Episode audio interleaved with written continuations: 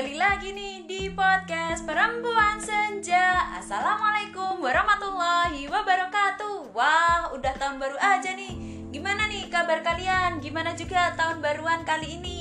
Ah, aku rasa kalian juga sama kan galonya kayak kayak aku.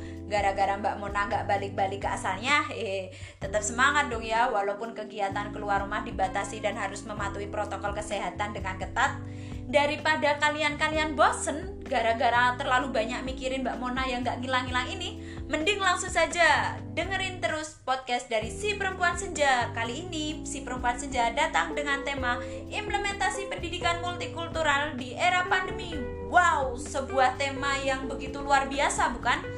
Berkaitan dengan hal tersebut, si perempuan senja yang suka ribah ini mengambil topik kajian terkait permasalahan yang berhubungan dengan multikulturalisme yang ada di Kelurahan Segoroyoso, Kecamatan Pleret, Kabupaten Bantul.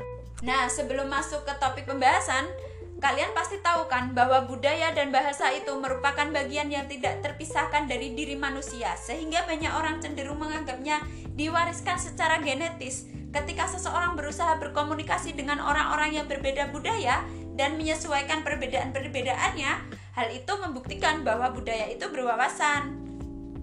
Nah, dalam masyarakat multikultural, orang-orang memiliki latar belakang berbeda dalam cara berkomunikasi. Komunikasi bisa gagal bila menimbulkan kesalahpahaman atau konflik.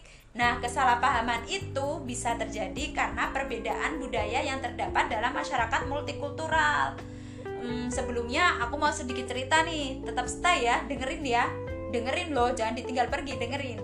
Nah dalam kehidupan normal sebuah sebelum adanya pandemi kesalahpahaman dalam rapat sudah sering terjadi di kelurahan desa Segoroyoso antara staf desa dengan staf kabupaten. Hal tersebut karena perbedaan cara berkomunikasi.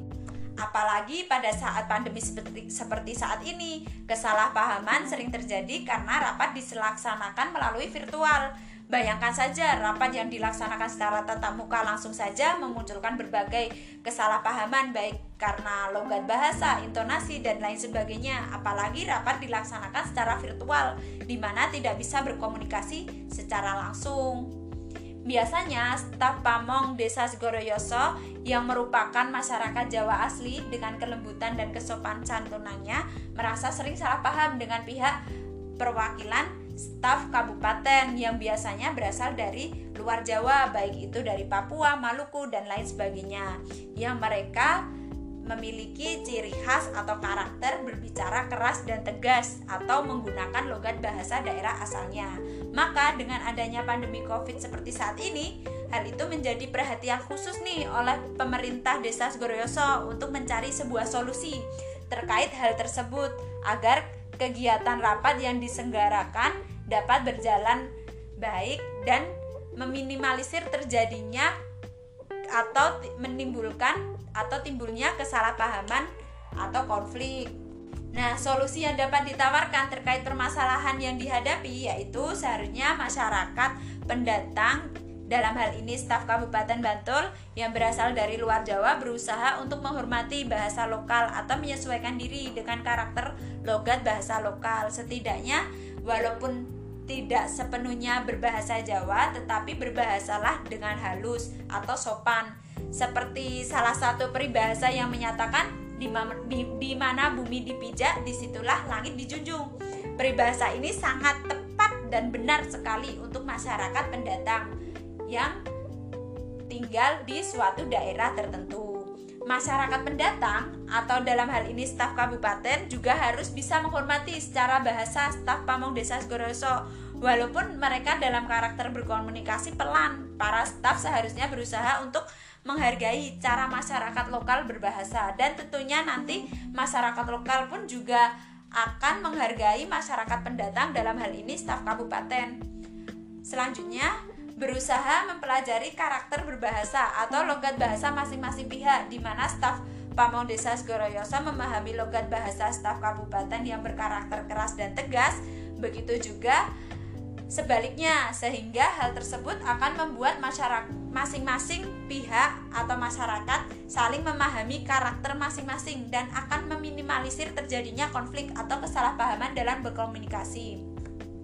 Selanjutnya, Selain itu, jangan lupa juga jangan mudah saling sensitif. Maksudnya di sini antara pihak staf kabupaten dan pihak staf desa Goroso jangan mudah sensitif atau tersinggung dengan cara berbahasa yang berbeda. Yang terpenting adalah saling memahami karakter bahasa masing-masing. Perbedaan bahasa dalam masyarakat yang multikultural merupakan sebuah hal yang wajar terjadi.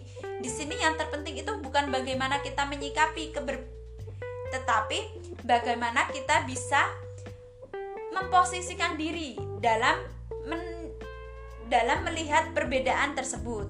Solusi yang terakhir yaitu dengan meminta penjelasan saat terjadi kesalahpahaman. Maksudnya di sini saat terjadi kesalahpahaman dalam rapat atau miskomunikasi, maka sesegera mungkin salah satu pihak atau masing-masing pihak meminta penjelasan terkait hal tersebut agar tidak berlarut-larut dan masih dan akan terbawa saat rapat-rapat selanjutnya. Nah, berdasarkan hal ini dapat kita tarik kesimpulan bahwa sebuah pendidikan multikultural itu se sebenarnya sangat penting diterapkan untuk meminimalisir dan mencegah terjadinya konflik di beberapa daerah. Seperti yang terjadi di daerah Segoroso tadi. Pendidikan multikultural itu tidak hanya diberikan di bangku pendidikan saja, tetapi pendidikan multikultural itu sangat penting juga diber, diberikan kepada masyarakat umum melalui pendidikan multikultural berbasis mut atau pendidikan yang pendidikan yang berbasis multikultural masyarakat dapat lebih terbuka atau open minded untuk memahami dan menghargai keberagaman. Nah, demikian yang dapat saya sampaikan. Kurang dan lebihnya mohon maaf. Wassalamualaikum warahmatullahi wabarakatuh. Salam perempuan senja.